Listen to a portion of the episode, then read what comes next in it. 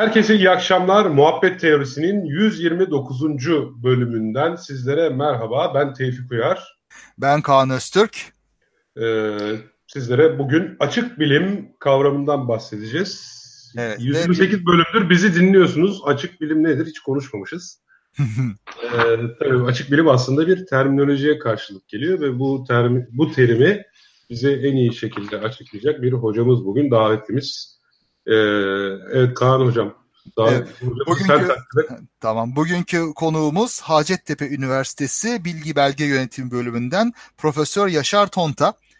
Geçen hafta konuğumuz olan Zehra hocamızla aynı bölümde çalışıyor. Daha kıdemli ve bu konularda daha da uzun zamandır çalışmakta. Ee, açık bilim üzerine e, çalışmaları da var. E, konferanslara da tebliğleri var. Bu konuda da başka yayıncılık konularında da çok kafa yormuş ve çalışmalar yapmış birisi. O yüzden de e, bu akademik yayınlarla ilgili yayın akademik yayınların aksaklıklarına diyeyim adadığımız bu haftalarda Yaşar Hoca'yı da çağırıp ondan bu konuda biraz daha fazla bilgi almak istedik. Bu seferki konumuz aslında akademik istismarlar veya kötü işler değil, akademik yayıncılığın nasıl daha iyiye gidebileceği gibi şeyler. Yani Hocam geçen hoş hafta derslerinden bahsettik. Bu hafta evet. daha nasıl iyi yapabiliriz soracağız. Evet ben bölmüş oldum. Hocam hoş geldiniz diye tekrar edeyim. Hoş bulduk. Çok teşekkür ederim beni ağırladığınız için. Sağ olun. Ee, Şimdi hocam e, açık bilim deyince bizim işte bu programımızın vesairemizin de tabii bir anladığımız bir şey var. Eskiden beri bir web site, eskiden bir web sitemiz vardı. Bilimsel haberleri yayınladığımız popüler bilim falan. Orada bizim açıkla kastettiğimiz herkese açık, herkese erişilebilir gibi olmasıydı. Ama bu akademik anlamda bir kullanılan bir terim değildi. Kendi kendimize ürettiğimiz bir terimdi. Siz açık bilim derken akademik yayıncılık anlamında e, ne anlamda kullanıyorsunuz bunu? Biraz açıklar mısınız? Hay hay çok teşekkür ederim.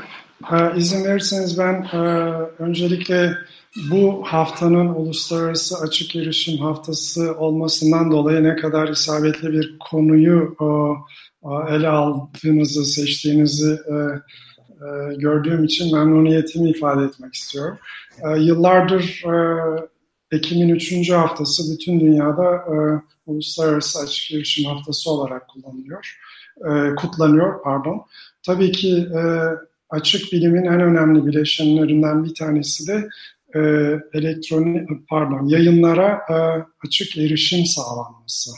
Dolayısıyla e, bu hafta içerisinde bizim ülkemizde de e, gerek e, e, webinarlar gerekse başka tür sunuşlar yapılıyor. Bundan e, bir süre önce de biz daha erken e, İstanbul'da bir çalıştay ve bir zirve düzenlemiştik açık bilim konusunda. Şimdi izin verirseniz sorunuza e, çok genel olarak e, şöyle bir yanıt vererek başlayacağım. Elbette açık bilim günlük terminolojide de kullanılan bir şey ama e, daha resmi bir tanım yapmak gerekirse herhalde şu söylenebilir. Kamu fonlarıyla desteklenen bilimsel araştırma projelerinden üretilen bilimsel yayınlara, bu yayınlar için toplanan ve araştırma bulgularını destekleyen verilere, verileri analiz, analiz etmek için kullanılan yöntemlere, geliştirilen işte yazılımlara vesaire e, açık olarak erişilebilmesi anlamına geliyor.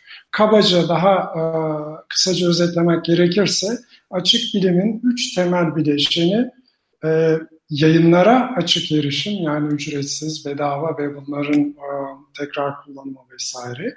İkincisi verilere yani ki en önemli e, şey e, araştırmayı yapabilmek için, yayını yapabilmek için kuşkusuz arka planda veri olması lazım. Bunlara açık erişim ve bir de bu verileri analiz etmek için, verileri konuşturmak için yöntemlere ihtiyacımız var. Bunlara da açık olarak erişilebilmesi. Aslına bakılırsa açık erişim taksonomisini çok daha zenginleştirmek mümkün. Sizin daha önceki haftalarda da e, kısaca değindiğiniz örneğin bir yeniden üretilebilirlik de açık erişimle kuşkusuz ilgili. E, bilimin değerlendirilmesi de kuşkusuz ilgili. Açık e, bilim politikaları, açık bilim araçları, açık bilim altyapısı, e, değerlendirme kriterleri vesaire bunların açık olarak yapılması hep bunlar da açık erişim şemsiyesi altında e, tartışılan e, konular. Ama e, gelin görün ki bu zamana kadar daha çok yayınlara erişim ön plana e, çıkmış durumda. Bunun da kuşkusuz bazı nedenleri var. İzin verirseniz birazdan onları daha da açarız. Tabii Fakat ki. başlangıç tanımı olarak sanıyorum ki bizim belki de bugün üzerinde en fazla odaklaşacağımız hani bilimsel yayınlara ve verilere e, açık erişim diyebiliriz. E, yazılımlara açık erişim bizim bildiğimiz bu o e, yaratıcı e, ortak kaynaklar ya da Creative Commons türü e, GitHub benzeri ortamlardan belki çok daha fazla kişi aşina ama öte yandan e, verilere e, açık erişim deyince aynı e, aşinalık belki o kadar söz konusu değil. Şimdi bu kadar bir e, çerçeve çizmiş olayım. E, isterseniz e, yani sizin sorularınıza göre e, bunların her birini birer birer açabiliriz. Tabii biraz üstüne bunların gidebiliriz. Tevfik senin aklına gelen bir şey var mı şu aşamada soru olarak? Ee, şey, mikrofonum kapalı galiba. Ben devam edeyim. Ee, şimdi açık erişimi evet, ha, pardon, pardon. açık bilimin üç ayağı var dediniz. Açık erişim yani yayınlara açık erişim. Bu herhalde evet. mesela bir makale için 40 dolar 50 dolar vermeye gerek kalmadan herkesin her evet. türlü makaleye erişmesi gibi bir şey oluyor. E, evet. Verilere erişim tabii burada önemli. Yani şimdi birisi bir deney yapmış e, ve bundan bir sonuç çıkartmış ve diyor ki bunun sonucu böyle. Ama biz bu verilere bakmadan bunun gerçekten böyle olmadığını tabii ki bilemeyiz. Belki de kendimiz tekrarlamak isteyeceğiz bunu. Evet. Herhalde maksat o. E, ve tabii bir de yöntemler yani burada dediğiniz mesela istatistiksel yöntemlerde ne kullanıldı bunun açıklanması, özel bir cihaz evet. kullanıldıysa belki bu değil mi? Bunların hepsinin açık bir şekilde evet. ölmesi. Evet. Şimdi mesela burada benim ilk aklıma gelen bazı burada zorluklar herhalde olabilir. Şimdi mesela bazı veriler aşırı büyük olabilir. Şey, e, paylaşılamayacak kadar. Değil mi? Hı-hı. Ve e, veya bu analiz araçları e, her yerde bulunamayan şeyler olabilir. Belki bir süper bilgisayar evet. gibi. Evet. E, veya CERN'ün ürettiği veriler açısından böyle petabaytlarca veri gibi. Böyle durumlar evet. istisna mı sayılıyor yoksa bunlar da mesela genel olarak değerlendiriliyor mu açık bilim içinde?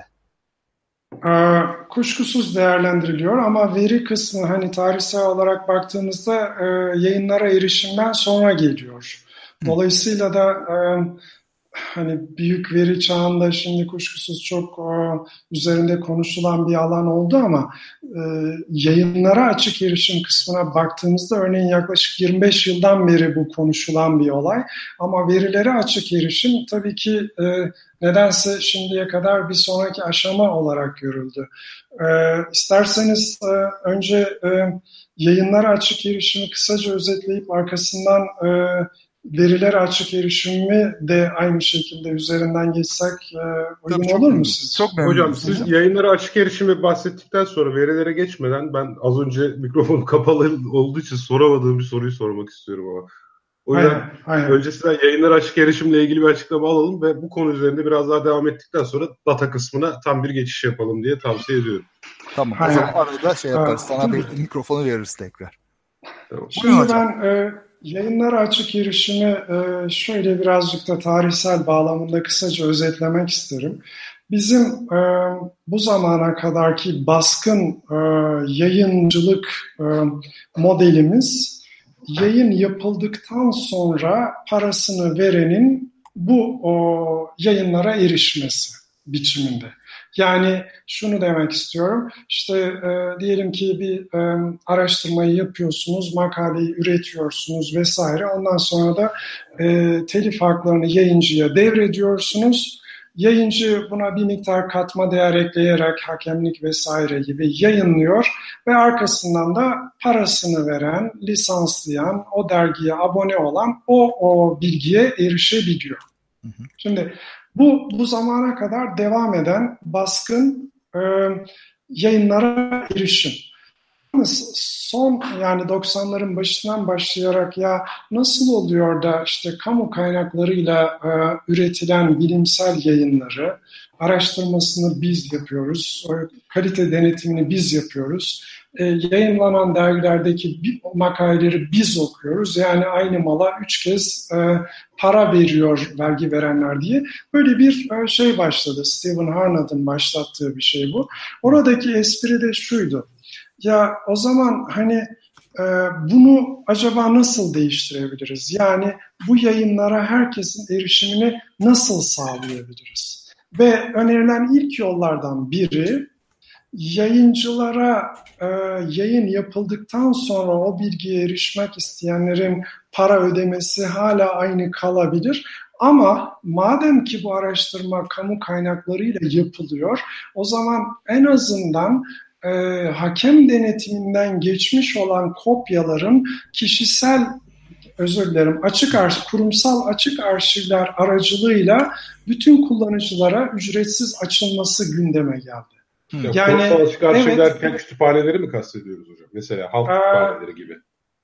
Halk kütüphaneleri değil daha çok. Bu o şeylerin elektronik kopyalarını depolayan e, arşivler var, repositories diye anılan. Ve e, yazarlar kabul edilmiş olan yayınlarını, kabul edilmeyenler de örneğin bir tür havuzlar kuşkusuz ama buraya yüklesin. Dolayısıyla birlikte çalışabilir standartlara göre hazırlandıysa çeşitli e, arama mekanizmaları, örümcekler nasıl olsa bunları bulacak.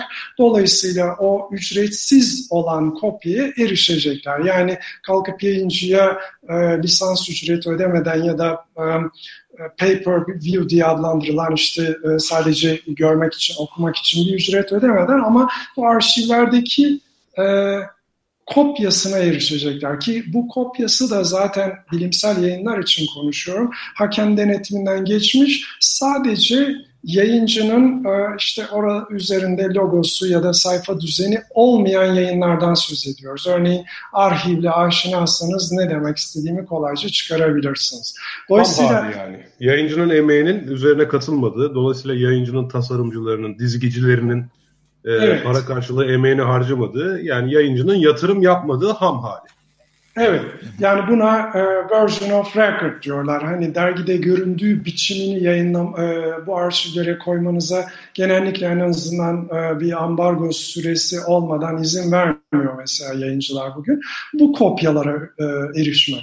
Bu kuşkusuz son kullanıcılar açısından çok fazla yatırım gerektirmeyen bir olay. Ama öte yandan e, yazarları bu son kopyaları hani hakem denetiminden geçmiş kopyaları e, kendi kurumsal arşivlerine ya da kişisel web sayfalarına koyması, koymaları için ikna e, etmemiz gereken bir durum söz konusu. Bunun için zamanla çeşitli e, işte yaptırımları da içeren hem e, havuç hem sopa türü bir takım şeyler uygulandı. Ama e, bu yüzdeyi yani e, örneğin belirli bir kurumda X sayıda e, makale yayınlanıyorsa kamu kaynaklarıyla bunların genellikle daha düşük bir oranını biz bu e, açık arşivlerde görebiliyoruz. Çünkü e, burada şöyle bir durum var.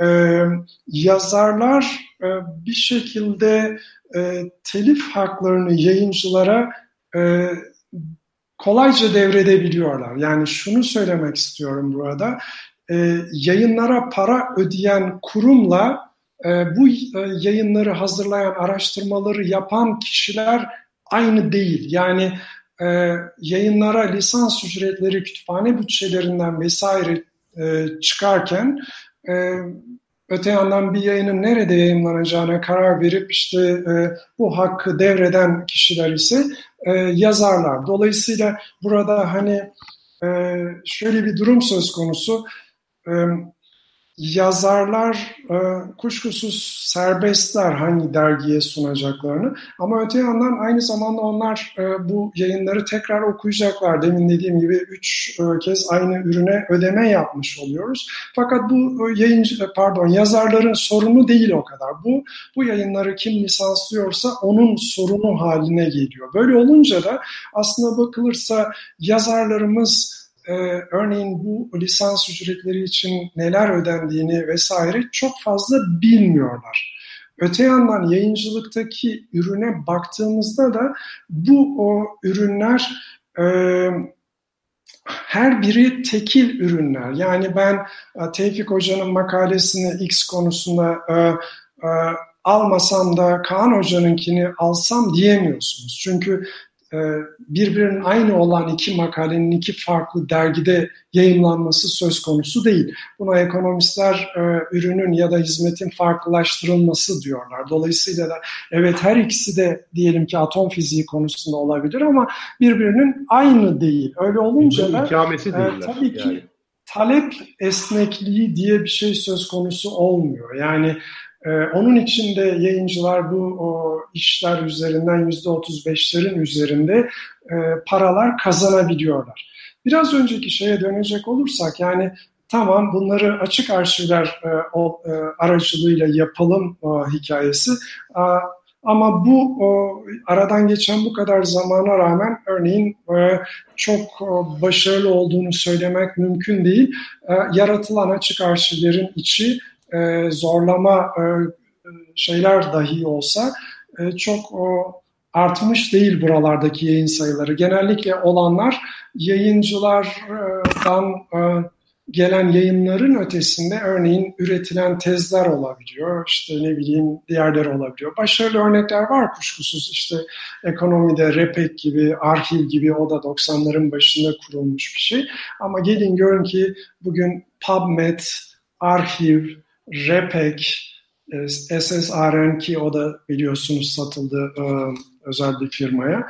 E, bunların dışında çok başarılı kurumsal arşivlerimiz maalesef yok. Son zamanlarda bu kamu kaynaklarıyla desteklenen araştırma sonuçlarını herkese açmak için bu geleneksel hani e, yayın yapıldıktan sonra ödeme hikayesini acaba tersine çevirebilir miyiz? Yani yayın yapılmadan önce biz yayıncıların işte e, bir makaleden beklentileri kaç paraysa bunun parasını makale işlem ücreti vesaire olarak versek ve e, yayına kabul edilir edilmez bütün e, eserler, bilimsel yayınlar herkese açılsa diye bir başka yaklaşım var. Bu iki yaklaşım arasındaki tek fark e, kolayca görülebileceği gibi birinde parayı verenin düdüğü çalması ama bu yayın yapıldıktan sonra işte kütüphanelerin lisanslaması, abone olunması vesaire. İkincisinde ise daha yayın yapılmadan önce belirli bir yayının e, giderini yayıncılara ödeyip arkadaş bundan sonra sen bunu ödeme duvarlarının arkasına koyamazsın. Yani kimseden bu iş için ekstradan e, lisans ücreti alamazsın biçiminde. Şimdi bu da e, nispeten uygulanan e, bir e, yol. Ama son günlerdeki tartışma ya acaba bu önceden ödeme yani makale işlem ücretlerini ödediğimiz zaman biz e, daha kısa sürede e, kamu kaynaklarıyla desteklenen yayınları herkese açabilir miyiz tartışması e, süre geliyor. Burada bazı ekonomistler yani sonradan ödemeyle önceden ödemede çok bir fark olmayacağını, yayıncıların eğer bu gerçekleştirilebilirse hem sonradan ödeme hem de önceden ödemeyi kabul edip e, yabancı dilde double dipping denilen aynı şeye iki defa e, ücret alamama e, durumunun sağlanacağını, pazarın bunu düzenleyeceğini söylüyor. Çok önemli bir şey daha demin sözünü ettiğim bu iki yaklaşım arasında birinde yayın, e, yazarlar bir kez devrettikten sonra bunlara nasıl erişim sağlanır, bunun parası nereden çıkar vesaire diye bunu hiç düşünmüyor. Ama eğer e, bu o, makale işlem ücretleri e, işin içerisine girerse ye, e, yazar bunda pay sahibi olacak. Kendi e, araştırma bütçesinden bu makale işlem ücretlerini ödemek söz konusu olduğunda herkes tabii ki daha iyi bir dergide yayınlamak ister ama öte yandan da e, bu bütçe artık kütüphanelerden ya da başka kaynaklardan değil de kendi bütçesinden çıkacağı için e, o da bir e, paydaş olacak bu o makale işlem ücretlerinin yüksek olup olmamasında, hangi dergilerin seçilip seçilmemesinde gibi konularda deniliyor. Ama tabii ki e, bunlar şu aşamada e, prepayment mı yoksa post payment mı bizi e, hedefe daha kolay e, götürür tartışması e, halen devam ediyor. E, örneğin bundan birkaç yıl önce İngiltere bu e, makale işlem ücretlerini e, önceleyen bir e, e, rapor yazdı, Finch raporu diye. Bunun üzerine e, yayıncılar e, kuşkusuz bir anda e, karma dergiler yayınlamaya başladılar. Yani bugün birçok yayın evlerine baktığınızda evet e, siz makale işlem ücreti ödemezseniz tamam biz bunu hani yayınlarız ama e, bu yayına ancak daha sonradan lisanslayan ya da abone olan kişiler erişebilir. Ama bu senin hoşuna gitmiyorsa bize e, işte 3000 dolar önceden verirsen makale başına biz bunu yayınlandığı anda herkese açarız. Seçim sizin demeye getirdiler. Burada tabii şöyle bir şey var yani hibrit diye anılan dergilerde baktığınız zaman bazıları açık bazıları değil ama e, kapalı olanlar üzerinden eski modelle kuşkusuz gelir elde etmeye devam ediyor e, yayıncılar. Aynı zamanda hibrit modelden de e, makale işlem ücretleri aracılığıyla ekstra yayın e, pardon yayın geliri elde etmeye e, devam ediyorlar. Görüldü ki yayıncılar aslında nihai amaç olarak biz makale işlem ücretleri e, modeline geçelim gibi bir düşünce içerisinde değiller. Genelleme yapıyorum kuşkusuz. Yani beklenenden daha uzun bir süre alıyor. Örneğin İngiltere'deki ya da diğer bu makale işlem ücretlerinin öne çıkarıldığı yerlerde. Öyle olunca da özellikle Avrupa Birliği çerçevesinde vesaire son o, alınan kararlara baktığımızda e, Eylül ayı içerisinde ya e, artık hibrite e, biz para ödemeyeceğiz ve e, üst limit olarak makale işlem ücreti olarak da şundan fazla ödenmeyecek. E, yazarlar çok kolay bir şekilde bu o telif haklarını yayıncılara sırf elektronik ortamda yayınlanması için devretmeyecekler gibi bir takım kararlar e, alındı. E, kuşkusuz bu şu anda en azından üzerinde en fazla tartışılan e, e, yayınlara açık erişim modellerinden e, ikisi. Biri önceden ödemeyi yap, diğeri sonradan ödemeyi yap biçiminde. Tartışma bu ikisi üzerinde yoğunlaşıyor. Ama bunun dışında tabii ki bütün bu olaya daha genel bir e, bilimsel iletişim altyapısı olarak bakılması lazım geldiği yönünde. Bunun sadece yayınları değil aynı zamanda e, verileri, aynı zamanda yöntemleri, aynı zamanda hakemliği, şusunu busunu da içeren çok daha geniş bir e, açık bilim ekosistemi e, çerçevesinde ele alınması gerektiği yönünde de e, kuşkusuz çalışmalar var. E, ben şimdi burada keseyim arzu edilirse o kısmını da e, açarız. Şimdi Burada... şurada e, bir araya gireyim bir belki de özet gibi. E, şimdi tabii yazarların belli müşevvikleri var burada. Şimdi eğer kendileri ödemiyorlarsa bu yayınlama için o zaman belli isim yapmış dergilere gönderiyorlar. Ondan sonra o dergiler veya o dergi grupları kütüphanelerden veya kurumlardan ne para isterse istiyor. Bu araştırmacıları evet. bağlamadığı için o e, öyle bir sorun ve e, bir yandan da tabii fazla yayın yapma baskısı da bu şekilde e, bu araştırmacıların pazarlık kabiliyetini de azaltıyor. Yani işine gelirse yani işine gelmezse şey yayınlamazsın burada. Eğer yayınlamak istiyorsan bu şey hakkını bize devredeceksin diyor dergiler. Evet. Yani orada evet. bir kol bükme var aslında. Bu kol bükmenin de biraz belki de bir örgütlenme şeklinde azaltılması gerekiyor gibi geliyor bana. Şimdi, şey de var bir, biraz da ne siz buyurun hocam buyurun. Estağfurullah. Şunu eklemek istiyorum. Yani yayıncılık e, aradan geçen 300 küsur yıl içerisinde çok fazla değişmiş değil. Hı hı. Yani eskiden e, basılı dönemde yazarlar haklarını e, ister istemez devrediyorlardı. Çünkü kendilerinin bir matbaası yoktu örneğin bunu basacak ve dağıtacak. Şimdi e, gene belki matbaası yok insanların ama hani e, arhiv kullananlar, oralara yazı gönderenler kolayca biliyorlar ki yazdıkları anda aslında bunları bu tür arşivlerde depolayabilirler ve bütün dünyaya da aslında dağıtabilirler ve bunun için de herhangi bir şey ödemeleri gerekmiyor. Evet yayıncıların hala bir katma değeri var. Hakemliğin örgütlenmesi, işte ne bileyim e, elektronik de olsa dağıtımların serverlar aracılığıyla şununla bununla yapılması vesaire. Ama bunlar basılı dönemdeki kadar zor değil artık. Çünkü neredeyse e, elektronik yayın yapmanın maliyeti sıfıra inmiş durumda. Dağıtımın da maliyeti sıfıra inmiş durumda. Dolayısıyla geçmişte e, yayıncılar bir hakkı devrettiklerinde her şeyini devrediyorlardı. Yani e, ne bileyim e, ne tür e, punto kullanılıp bunun değiştirilememesinden tutun da başka şeylere kadar.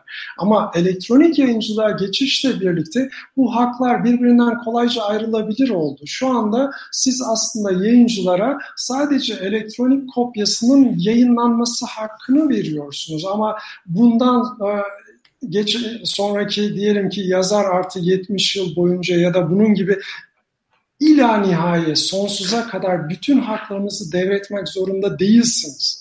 Bu haklar birbirinden ayrılabildiğine göre o zaman siz yayıncılara evet elektronik yayın hakkını size veriyorum ama ben e, bundan daha sonra e, yararlanıp bir başka yerde yayınlamak istersem, kendi yayınladığım bir kitapta bu kopyayı yeniden kullanmak istersem, kendi e, kurumsal arşivimde yayınlamak istersem bana engel koyamazsın diyecek güce sahipler. Onun için de zaten bazı kurumlar kendi yazarlarına bu tür yaptırımlar getirmeye başladılar. Yani siz kamu kaynaklarıyla yapılmış olan bir araştırmanızı e, üniversitenin zamanını ve kaynaklarını kullanan bir kişi olarak e, üniversitenin izni olmadan yayıncılara devredemezsiniz diye. Hatta bu e, artık giderek kurumsaldan öteye e, örneğin Amerika Birleşik Devletleri'nde 4-5 gün önce eyalet bazında açık erişim yasası çıktı ve bu yasaya göre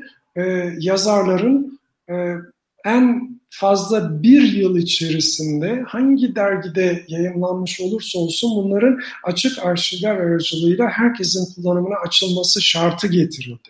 Dolayısıyla da e, bu geleneksel yayınlama biçimine çok takılı kalmış durumdayız.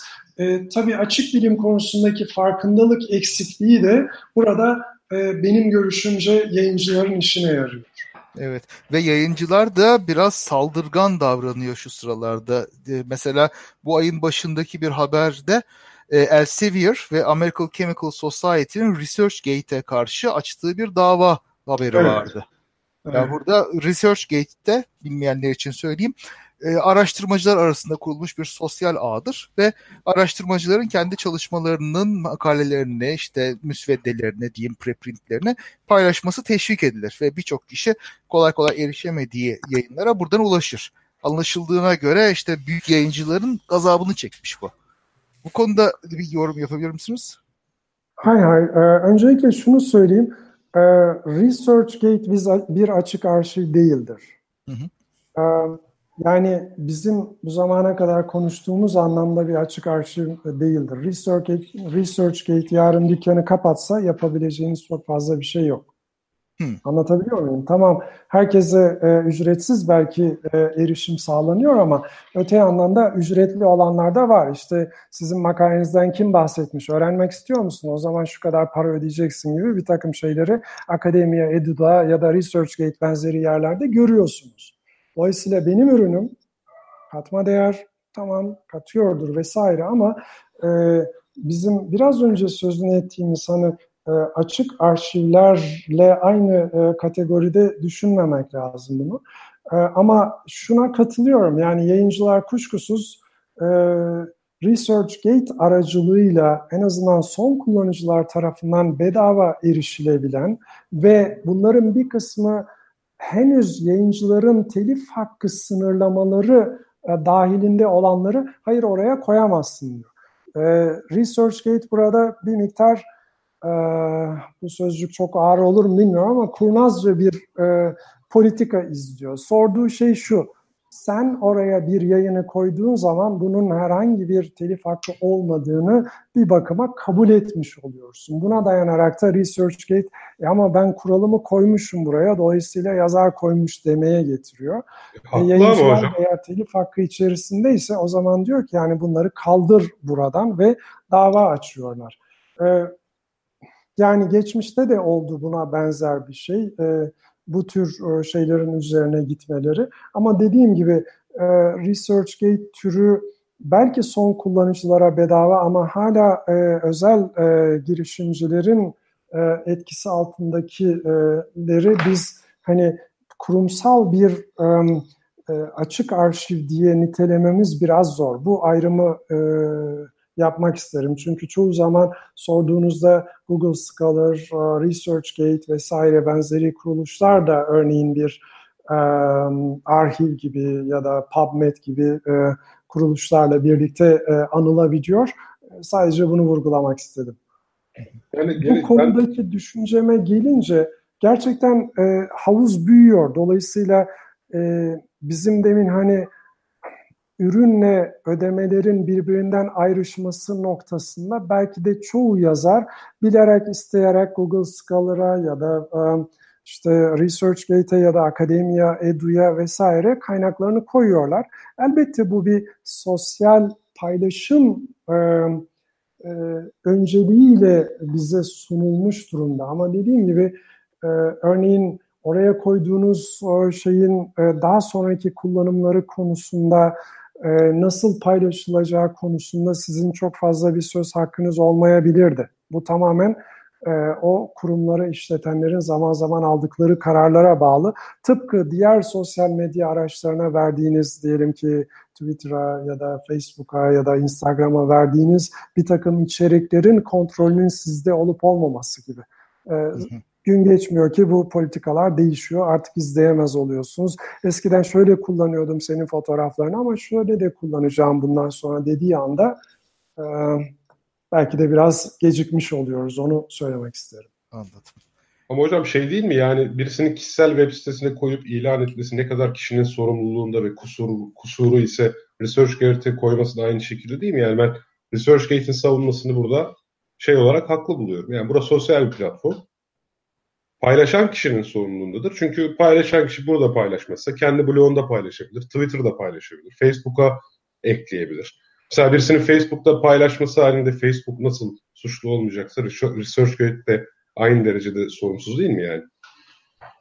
Yani ben e, hukukçu değilim ama e, ben sadece şunu söylemeye çalışıyorum. Yazarların da e, bu ilk kararı verdikleri zaman yani yayın haklarını e, yayıncılara devrettikleri zaman tam olarak neyi ya da neleri devrettiklerinin en azından bütün yazarların farkında olmadığını düşünüyorum.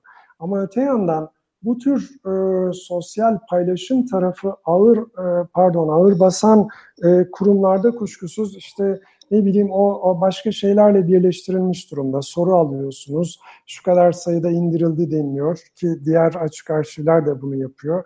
Başka bir takım etkileşimler bina ediliyor bunun üzerine ve e, belki de hani siz ya e, kamu kaynağı kullanıyorsanız mutlaka bir kopyasını açık arşive e, koyun diye üniversite rektöründen böyle bir şey aldığınızda ona verdiğiniz önemle ResearchGate'ten böyle bir e, şey geldiğinde ona verdiğiniz önem arasında bir fark oluyor. Yani buradaki demin sözünü ettiğim e, hani hukuksal bağlamda ResearchGate'i ne kadar bağlar bağlamaz bunlar biliyorsunuz çok uzun süren davalar oluyor genellikle. E, ama öyle bir yönü de var. Zaten öyle yaparak havuzdaki yayın sayısı artıyor ve orada çok büyük bir network oluşuyor. E, Tabii de ResearchGate bundan gelir elde ediyor. O da çok şey evet, değiştiriyor evet, yani. Evet. Hocam benim başından beri sormak istediğim bir şey var. Şimdi kamu kaynaklarıyla finanse edilen bir araştırmanın kamuya açılması ilk bakışta kulağa çok hoş gelen ve sorunsuz bir kavram gibi görünüyor. Ama Mesele kaynak tüketimi ve bu kaynağın kamuya ait olması dolayısıyla kamunun bundan faydalanması dediğimiz zaman şöyle bir konuda tartışıyor mu? O zaman ben Fransız vatandaşının vergileriyle finanse edilen Fransız bir kuruluşun e, çalışmalarına başka ülkelerden neden erişebilmeliyim o zaman? Evet. Ee, güzel bir soru. Buna e, gene hani daha genelden bakıp aşağı indirerek e, cevap verelim arzu ederseniz. E, şöyle ki kamu kaynaklarıyla e, bu özellikle Eylül ayında e, e, Avrupa Birliği'nin aldığı e, karar sonucu plan S diye adlandırıyorlar bunu. E, bunlara erişimin e, sadece açık erişim dergilerde ve sadece açık erişim platformlarında yapılması zorunluluğu getiriliyor bir bakıma 1 Ocak 2020'den itibaren. Şimdi bunun üzerine yapılan son tartışmalara baktığınızda e, tartışma şunun etrafında dönüyor. E ama yazar olarak benim e, istediğim yerde istediğimi yayınlamamı kısıtlarsanız e, bu benim akademik özgürlüğüme ters düşüyor diye çeşitli yazılar çıkıyor bloglarda vesaire. E, kuşkusuz yayıncılar e, buna hak veren tarafta ama kamu kaynaklarını e, kullanan e, üniversiteler ya da diğer e, paydaşlar buna pek o kadar hak vermiyorlar ve diyorlar ki yani sizin e, ürününüzü nerede yayınlayacağınızla ilgili akademik özgürlüğünüz benim vergi veren vatandaş olarak bu vergilerle yapılan araştırmaların e, çıktılarına, makalelerine, verilerine erişmem söz konusu olduğunda orada sona ermeli diyen bir e, yaklaşım da var.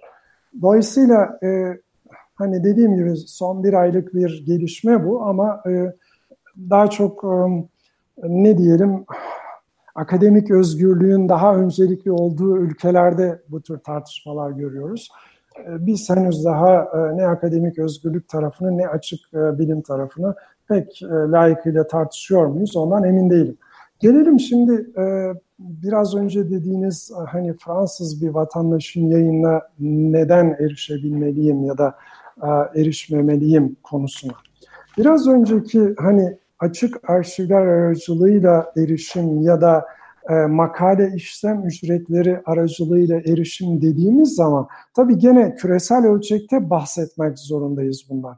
Dolayısıyla örneğin e, makale işlem ücretleri söz konusu olduğunda elbette daha çok yayın yapan ülkeler e, değil mi daha çok makale işlem ücreti ödeyecekler ve onların yayınları e, bütün dünyaya ulaşacak. Ama öte yandan güneydeki ülkeler ya da daha az üreten ülkeler açısından da bakıldığında eğer e, pazar bir yerde hani şimdiki gibi bir e, noktada ulaşacaksa, e, dur, duraksayacaksa bundan şunu söylemeye çalışıyorum. Makale işlem ücreti ödendiğinde işte yayıncılar giderek yükseltecekler, yükseltecekler. Şimdikinden daha pahalıya gelecek deniliyor. Ama ekonomist, bazı ekonomistler en azından öyle düşünmüyor. Ortada bir mal var. İşte yazarlar da e, paralarını dikkatli kullanacaklar vesaire. Dolayısıyla da bir denge oluşacak biçimde. Şimdi burada e, Evet, Fransa'da yapılmış olan vatandaş belki bizden daha fazla e, e, makale işlem ücreti ödeyecek. Onun yayınlarına bütün dünya erişecek ama aynı zamanda Fransız vatandaşları da örneğin Türkiye'de ya da işte Brezilya'da yapılan yayınlara ücretsiz erişecekler. Yani bir anda e, ödeme noktası örneğin kütüphaneler vesaire iken ödeme noktası bir şekilde e, araştırma fonları ya da başka çeşitlerde e, araştırmacılara e, verilen paradan çıkacak. Dolayısıyla da belki burada e, hem gelişmiş ülkeler yani daha fazla yayın üreten ülkeler belki de hem de e, daha az yayın üreten ülkeler açısından e, bir kazan kazan durumu oluşabilir diyor bu işten daha iyi anlayan e, ekonomistlerden bazıları. Tabii bu e, tartışma aslına bakılırsa sizin sorduğunuz tartışma yeni değil. Yani her iki kampta da e, olanlar var. Örneğin e, Amerikan Araştırma Kütüphaneleri e, 2016 yılında böyle bir e, şeyle gelip ya böyle bir durum söz konusu işte e, bu fiyatlar artabilir derken bunun üzerine e, karşı görüşte olan yine e, kütüphanelerde çalışan kimseler e, hayır öyle olmayacak böyledir e, diyorlar.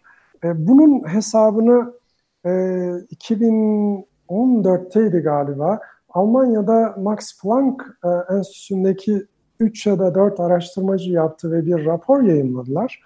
E, aslına bakılırsa akademiyada şu anda yayıncılara ödenen miktarda paranın bu yayınların bir şekilde ya makale işlem ücreti ödenerek ya da kurumların kendi bilimsel iletişim altyapılarını kurup bunlar üzerinden bu sonuçları yayınlayarak e, yapılabileceğini gösterdi. İşte bugün yaklaşık 10 milyar dolarlık bir e, e, pazar, e, bilimsel makale pazarı ve maalesef biraz önce sözünü ettiğim bu hani e, hiçbir makale diğerine benzemiyor hikayesinden kaynaklanan bir e, e, oligopol var. Yani birkaç yayıncı, e, sanıyorum beş taneydi, dünyadaki bütün bilimsel yayınların yüzde 50'sinden fazlasını üretiyorlar, gelirin daha da fazlasını alıyorlar. Öyle olunca da e, burada bizim bir sorunumuz var. Yani yarın öbür gün önceden makale işlem ücretlerini ödemiş olsanız dahi acaba bununla yetinecekler mi? Çünkü orada bir sınır koyuyorsunuz. Örneğin bir makalenin e, diyelim ki maliyeti 2000 dolar, e, e, yayıncı bundan 1000 dolar daha kazanmak istiyor diyelim ki. 3000 dolara makale başına satmak istiyor. Ve bütün bu o geliri o makaleden bu 3000 dolar olacak. Biraz önceki makale işlem ücreti e, açısından ele alırsak. Ama öte yandan geleneksel model uygulandığında var oldukça bu makale bunu lisanslayacak ve e, işte tekrar tekrar satacak. Yani. Abonelik yapacak vesaire. Dolayısıyla da henüz bunun nasıl gerçekleşeceğini elbette bilmiyoruz ama e, en azından ister makale işlem ücretleri e, olarak ödeme biçiminde olsun, isterse e, kurumlar gerek kurumsal düzeyde gereksel e, ulusal e, e, düzeyde kendi e, açık bilim ekosistemlerini e, araştırma altyapılarını kursunlar. Bu miktar para bir şekilde ortada dönüyor sonucu e, çıkıyor. Bizim bunu nereye kanalize ettiğimiz önemli. Yani biz bunu makale işlem ücretleri olarak yine katma değerli hizmetler için yayıncılara mı vereceğiz? Yoksa e, işin veri yönünü, yazılım yönünü, yöntemler yönünü de ele alıp bu ekosistemi birlikte mi düşüneceğiz? Çünkü son zamanlardaki e, şirket satın almalara, birleşmelere vesaire baktığınızda biraz önce sözünü ettiğim o oligopol oluşturan birkaç büyük şirket aynı zamanda örneğin size e, şey de e, hizmeti de veriyor. Ya acaba e, ne bileyim bilimsel araştırma e, grantleri için diyelim ki paraları için nasıl yardımcı olabilirim? Ya da akademik değerlendirmeler için nasıl yardımcı olabilirim? Gerek işte e, diğer bazı e, belki son kullanıcıya paralı olmayan ama bir şekilde özel şirketlerin tekelindeki diğer e, bilgi kaynaklarını da harmanlayarak size neler sunabilirim? Yani bunu çok çeşitlendirebilirsiniz. İşte bugün hangi sistemi kullansanız içinde muhtemelen atıflarla ilgili şeyler veriyordur size. İşte onun orijinalitesini çek eden yerlere erişim sağlıyordur. DOI numarası atamasına izin veriyordur vesaire. Söylemek istediğim yayıncılar kendi alanlarını sadece makaleleri gönderilsin, hakemlik işlemleri yapılsın. Ondan sonra da kabul edilenler e, yayınlansınla sınırlı görmüyorlar. Çoğu bu verilerin sağlanması ile ilgili olarak da örneğin bazı kurallar koymaya e, başladılar. Ya ama sen verilerini hayır açamazsın gibisinden.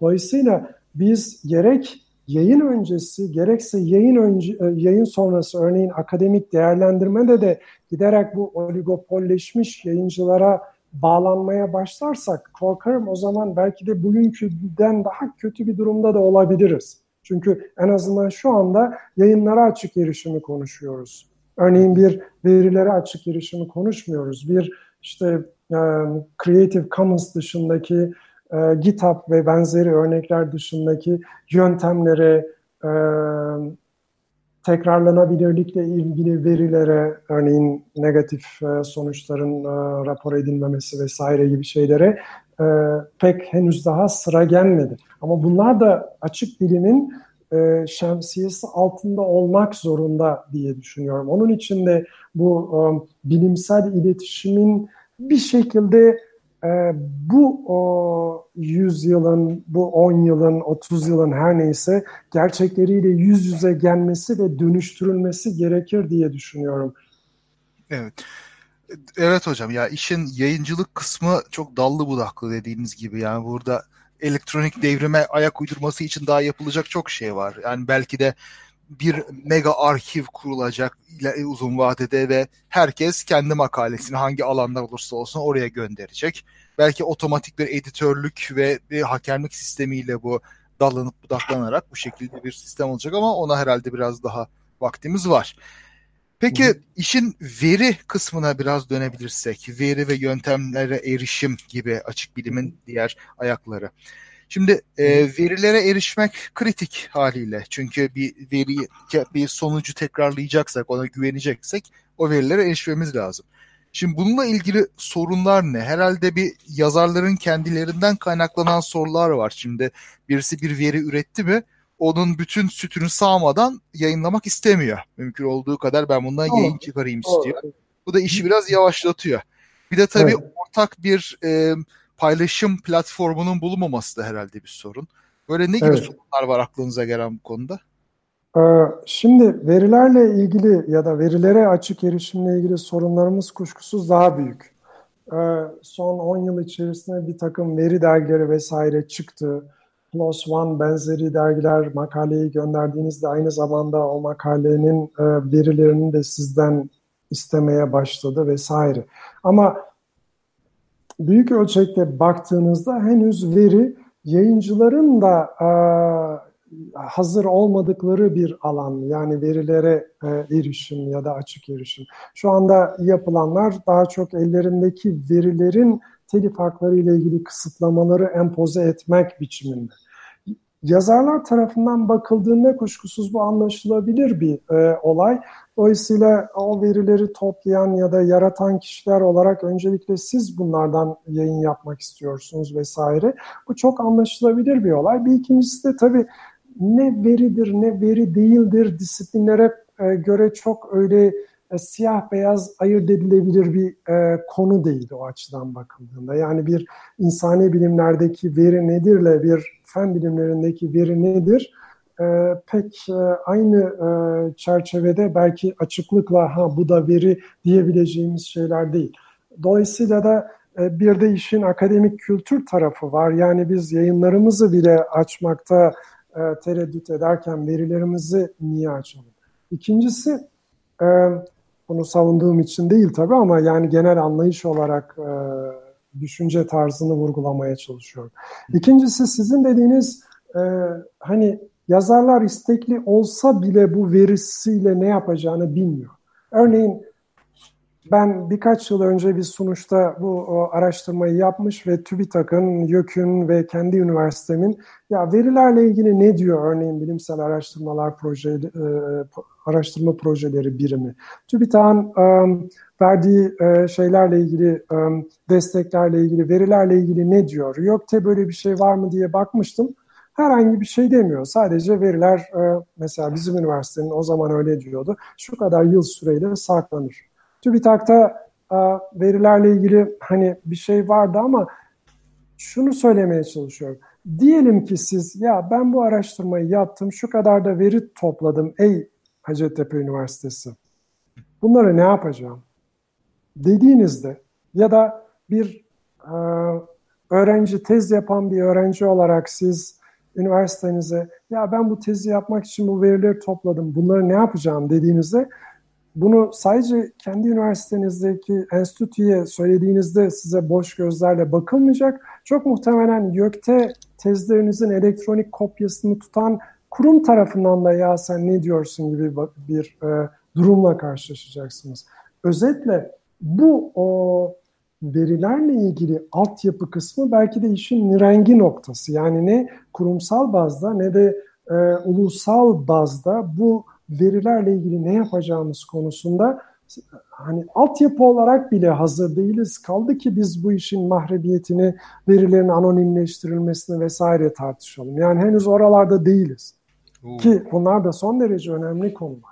Evet. Dolayısıyla bu bağlamda baktığımızda kuşkusuz e, belki daha uzun sürecek ama yani bu işe bir araştırma altyapısı çerçevesinde bakmak yani bilimsel iletişimi dönüştürecek bir bakış açısıyla bakmak belki de uzun vadede hepimizin yararına. Yazarlar olarak da, kullanıcılar olarak da, e, destekleyen kurumlar olarak da aklınıza gelebilecek diğer paydaşları düşünün.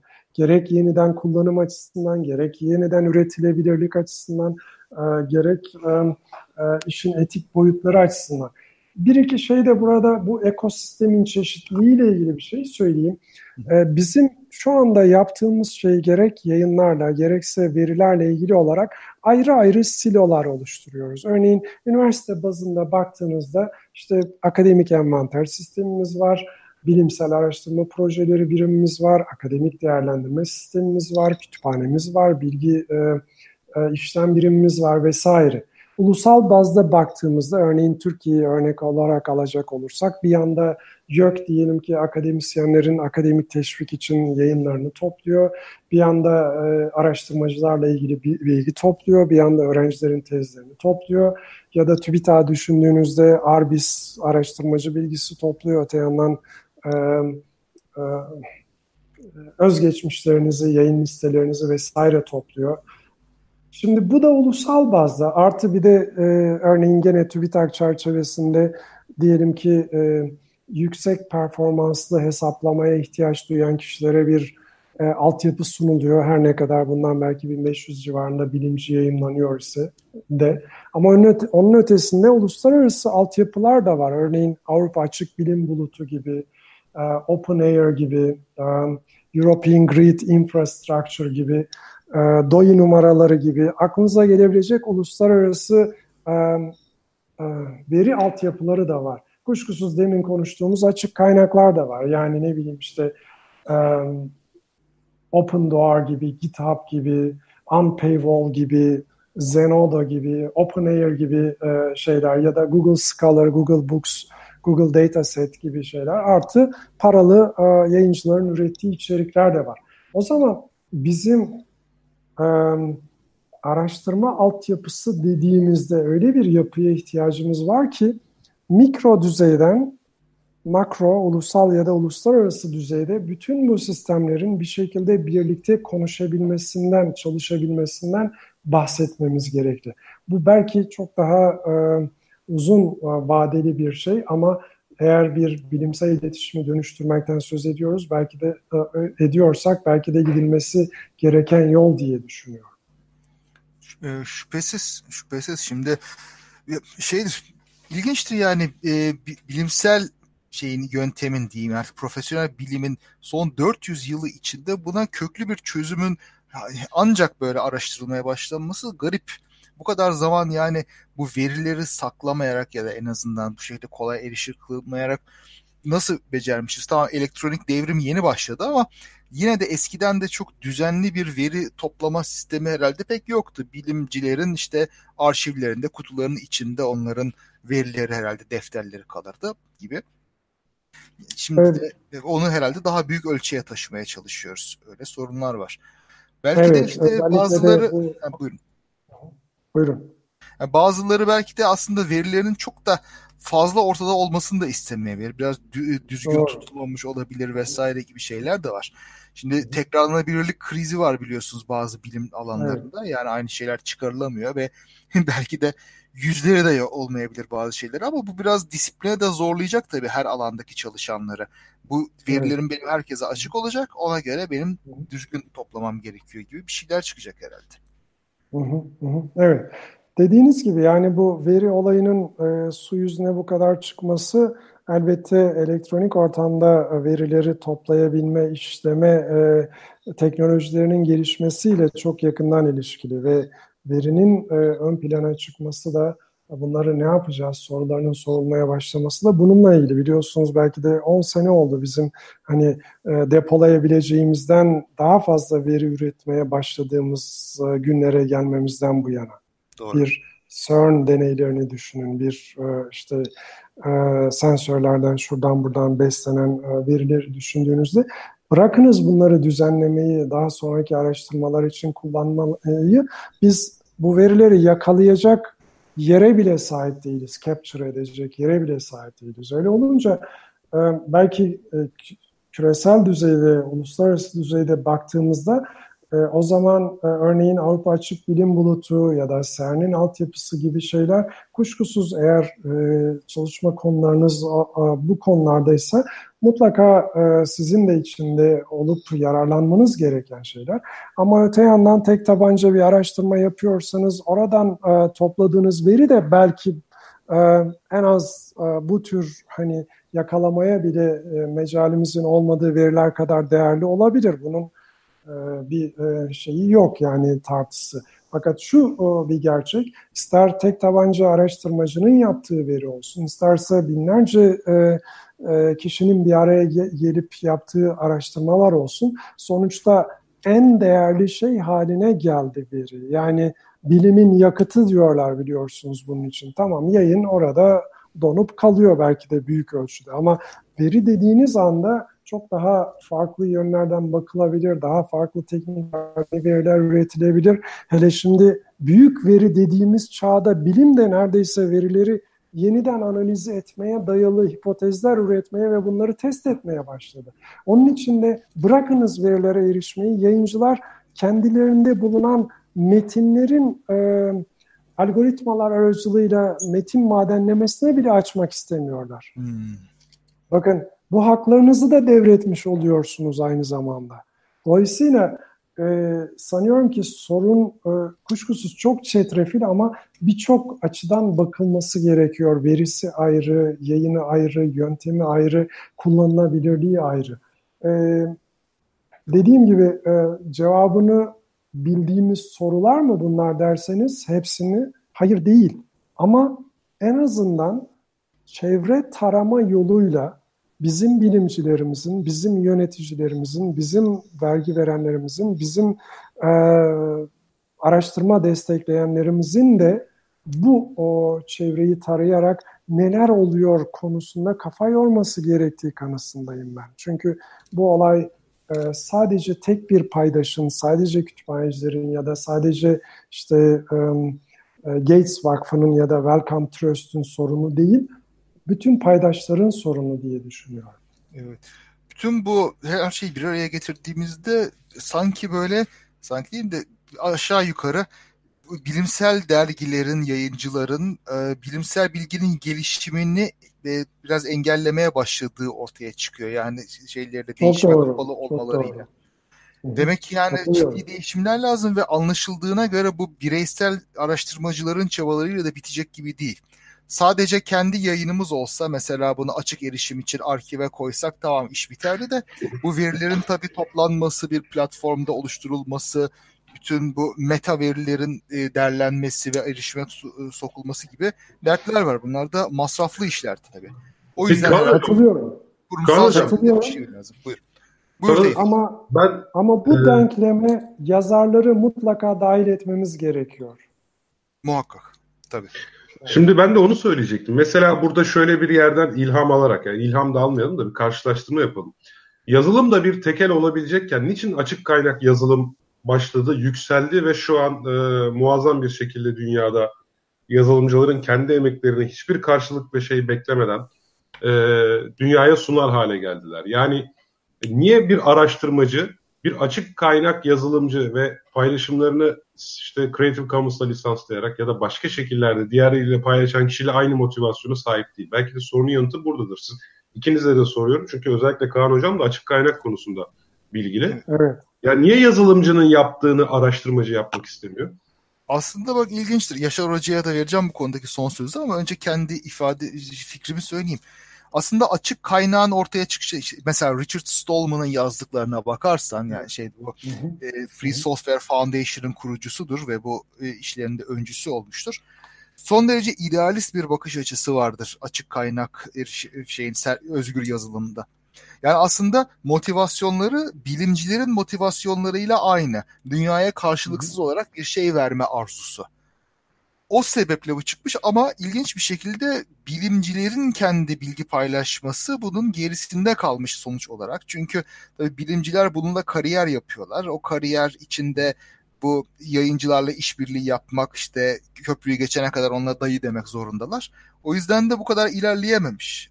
Ve şu anda Hı-hı. aslında akademisyenlerin açık kaynak hareketinden öğreneceği çok şey var. Ve bu açık bilim hareketi de aslında pek çok şeyini açık kaynaktan modellemiş gibi görünüyor bana. Ne dersiniz hocam? Evet. Siz görüyor musunuz? Hocam katılıyorum. Şimdi e, şöyle bir e, şeyi gündeme getirmek isterim. Yani hiç örnekleri yok değil. E, açık bilim konusundaki hayatımızı değiştiren şeyler aslında bu o, görüşe abone olmuş diyelim. E, von Neumann gibi örneğin bilgisayarı e, 1930'lardan itibaren özellikle 2. Dünya Savaşı'nda herhangi bir şekilde patentlememiş. Bunun üzerine diyelim ki IBM bir e, şey inşa etmiş ve bugün e, bilgisayar konusunda geldiğimiz yere gelmiş durumdayız. Aynı şekilde örneğin bir Tim Berners-Lee hmm. e, weble ilgili olarak yani uzaktan web sayfalarına erişimle ilgili olarak böyle bir görüşte geldiğinde bunu kalkıp da ya kapılı kapılar arkasına ya da ödeme duvarları arkasına koyayım dememiş. Ya da Amerikan e, hükümetiyle birlikte diğer ülkelerin de katıldığı insan genomu projesi önce hani e, çok uzun süreceği varsayılmış ama daha kısa sürede bitmiş. Ne zaman ki e, Amerikan hükümeti bunu herkese açmış, genetik alanındaki araştırmalar e, müthiş bir ilerleme kaydetmiş. Yani az da olsa açık bilim taraftarı olan kişiler tarafından alınan bu kararlar günümüzde bizim bilgisayarlar, insan genomu, webteki bütün bu gelişimlerle ilgili geldiğimiz yere daha hızlı gelmemizi sağlamıştır. Sorun sanıyorum ki bu farkındalık eksikliğinin tıpkı e, açık e, kaynak yazılımda olduğu gibi e, bilim yapan kişilere de eski deyişle sirayet etmesini sağlamak. Bilim yapan kişilerin bir beklentisi yok. E, yazılım yapan kişilerin de aslında bir beklentisi yok.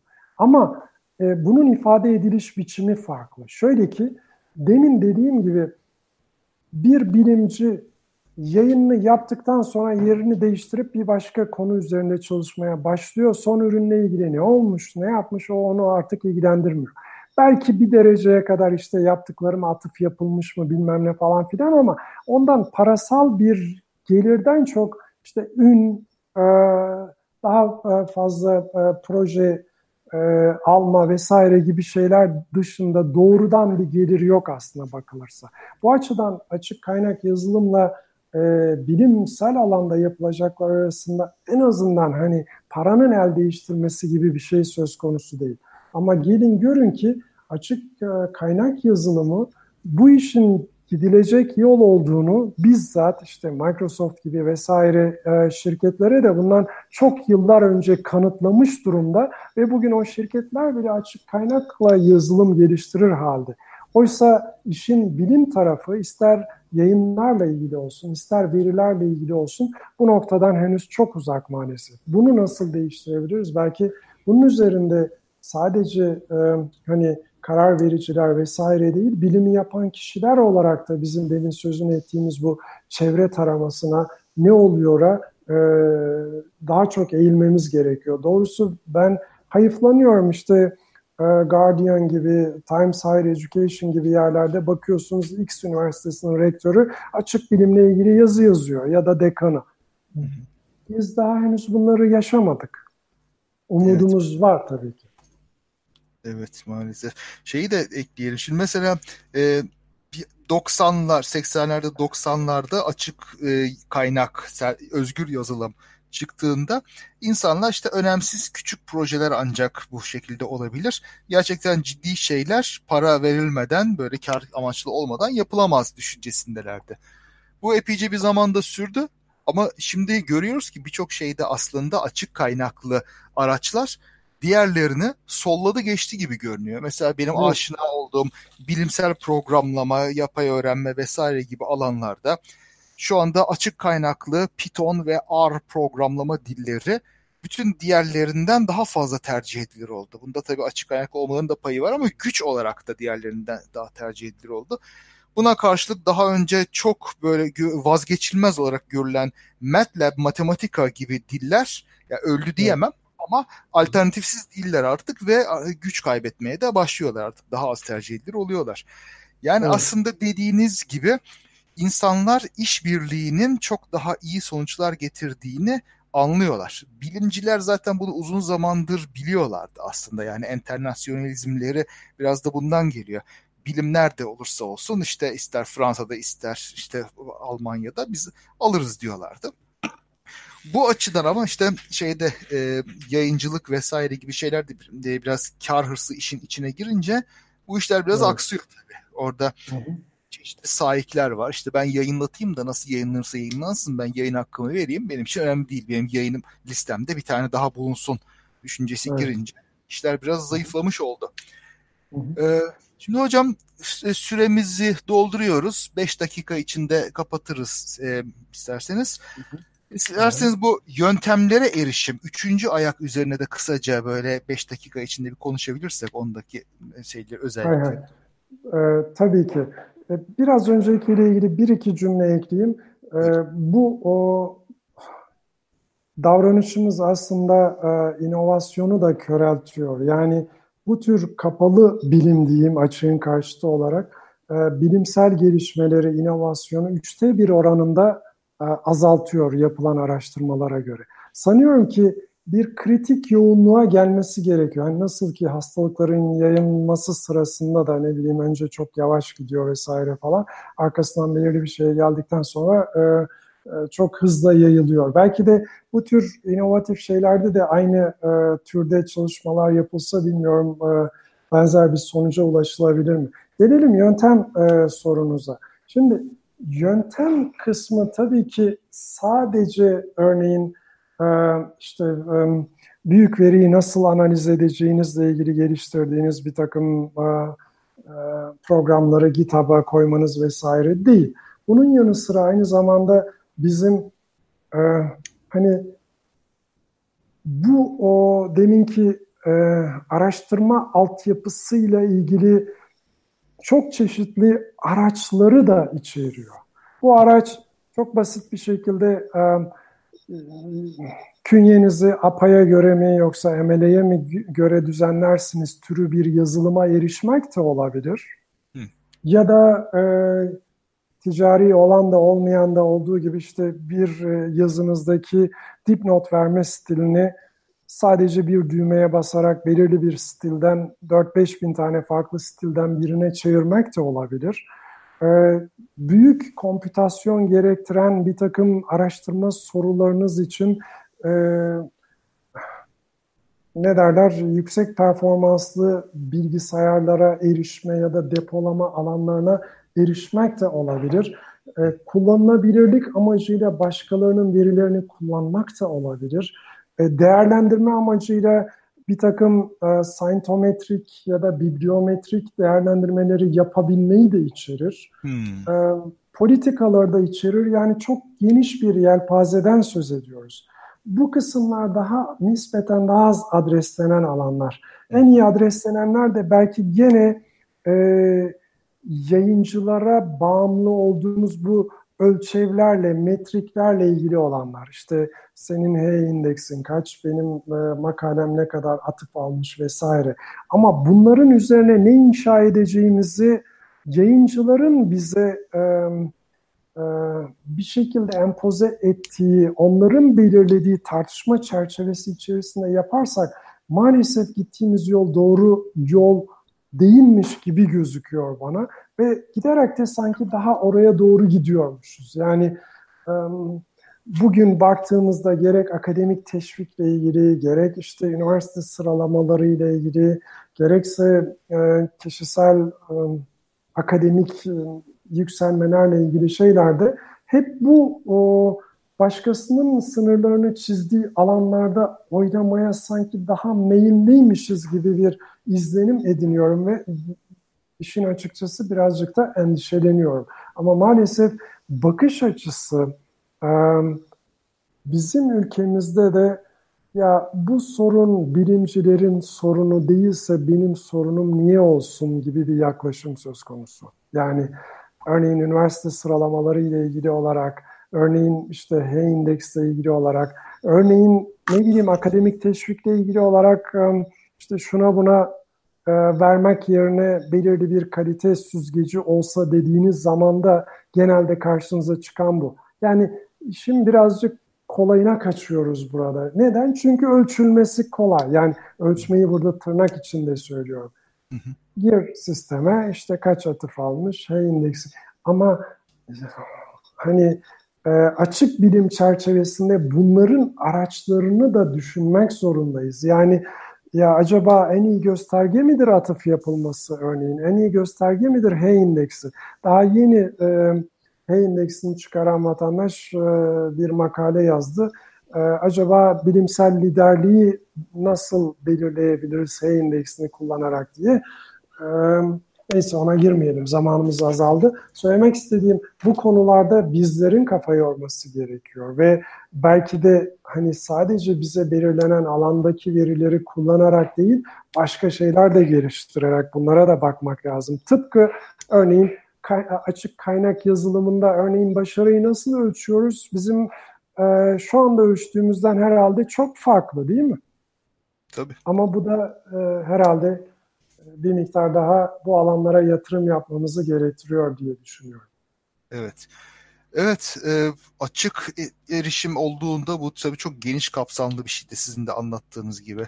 Bir kere araştırmanın ürününe okuyucuların erişmesi var. Okuyucuların verilere erişebilmesi var. Başka araştırmacıların o verilere erişip tekrar üretmesi ve herkesin birden hem okuyucu hem de yazar olarak çeşitli yöntemlere evet. erişmesi bunların hepsi açık bilim kapsamı içinde çok geniş bir konu. Yani bazı açılardan tabii ülke olarak bizim de boyumuzu aşabiliyor ama bizim boyumuzu aşıyor diye tabii yüzmekten vazgeçmemek lazım. Eninde sonunda bizim boyumuza uygun bir hale gelecek bu. Biz de buna ayak uyduracağız illaki. O yüzden şimdiden bu problemleri bilip buna hazırlıklı olarak kaliteli bilim üretme üzerine hep gitmemiz gerekiyor. Hocam e, çok teşekkür ederim. Buyurun, buyurun hiç e, değinmedik ama mesela yeniden kullanım olayı son derece önemli. Düşünün biraz önce insan genomu projesinden bahsettik ama bu verilerin yeniden kullanımına imkan sağlanmasa örneğin Türkiye'den de benim bildiğim bilimciler var 8-10 tane hastalığın e, genetik şeyini bulan. E, şimdi hani bu yeniden kullanım çok değişik biçimlerde olabilir. Tıpkı yazılımda olduğu gibi ama aynı şekilde e, insan genom projesinde de görüyoruz bunu. Bilgisayar mühendisliğinde de görüyoruz. Eminim sizin aşina olduğunuz diğer alanlarda da görüyoruz.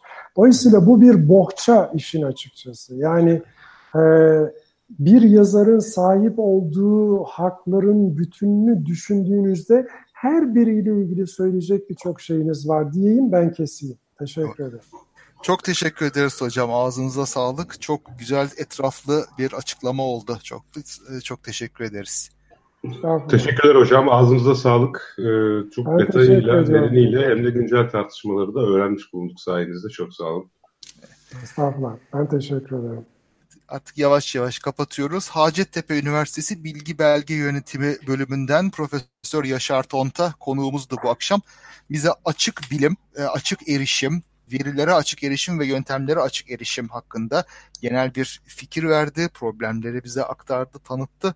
Artık e, belki daha sonra bu konuyu daha da dallanıp budaklandırarak devam ederiz. Bu akşamlık burada kesiyoruz. Konuğumuza ve dinleyen herkese çok teşekkür ederiz. Herkese iyi akşamlar. teşekkür İyi akşamlar. Haftaya iyi görüşmek üzere. Daha fazla bilgi edinmek isteyenler Tarihi Osmanlı Mecmuası'nın 3. cüzünün 1912. sayfasına bakabilirler efendim. Ah,